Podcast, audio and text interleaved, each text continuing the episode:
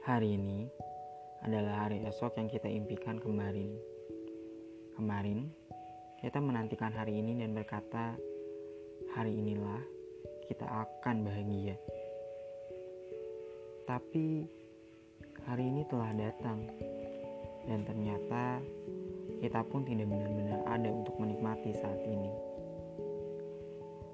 Kita ingin menggenggam yang belum ada dan menjalani yang belum tiba. Saat berangkat ke kantor, kita menanti-nanti tibanya tanggal merah. Tapi saat libur, kita justru mengkhawatirkan tumpukan pekerjaan di kantor. Kita terbiasa meletakkan tujuan jauh di sana hingga ingin lekas melompat ke hari esok dan esoknya lagi begitu seterusnya. Perasaan-perasaan ini menjebak dan membuat kita kesulitan untuk merasa cukup, membuat kita selalu merasa ada yang kurang, tidak akan lengkap sebelum hari esok tiba.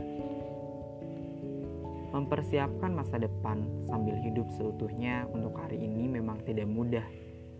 Namun, hidup yang kita jalani sekarang ini juga bukan sekadar persiapan atau geladi bersih untuk hidup masa depan bukan tentang mempersiapkan impian masa tua naik kapal pesiar atau membeli rumah di tengah kota setelah pensiun. Bukan saja tentang mimpi keliling dunia setelah menuai hasil investasi 20 tahun lagi. Saat hidup untuk esok, kita sering lupa bahwa bagaimana bentuk masa depan yang kita nantikan itu sebenarnya hanya bergantung pada satu-satunya hal nyata yang kita punya sekarang. Masa yang belum tiba itu terbentuk dari pilihan-pilihan kita sekarang. Satu-satunya momen yang ada dalam kendali kita adalah sekarang. Maka barangkali satu-satunya hal yang layak kita khawatirkan adalah apakah kita sudah mencukupkan diri dengan kesusahan dan kegembiraan hari ini.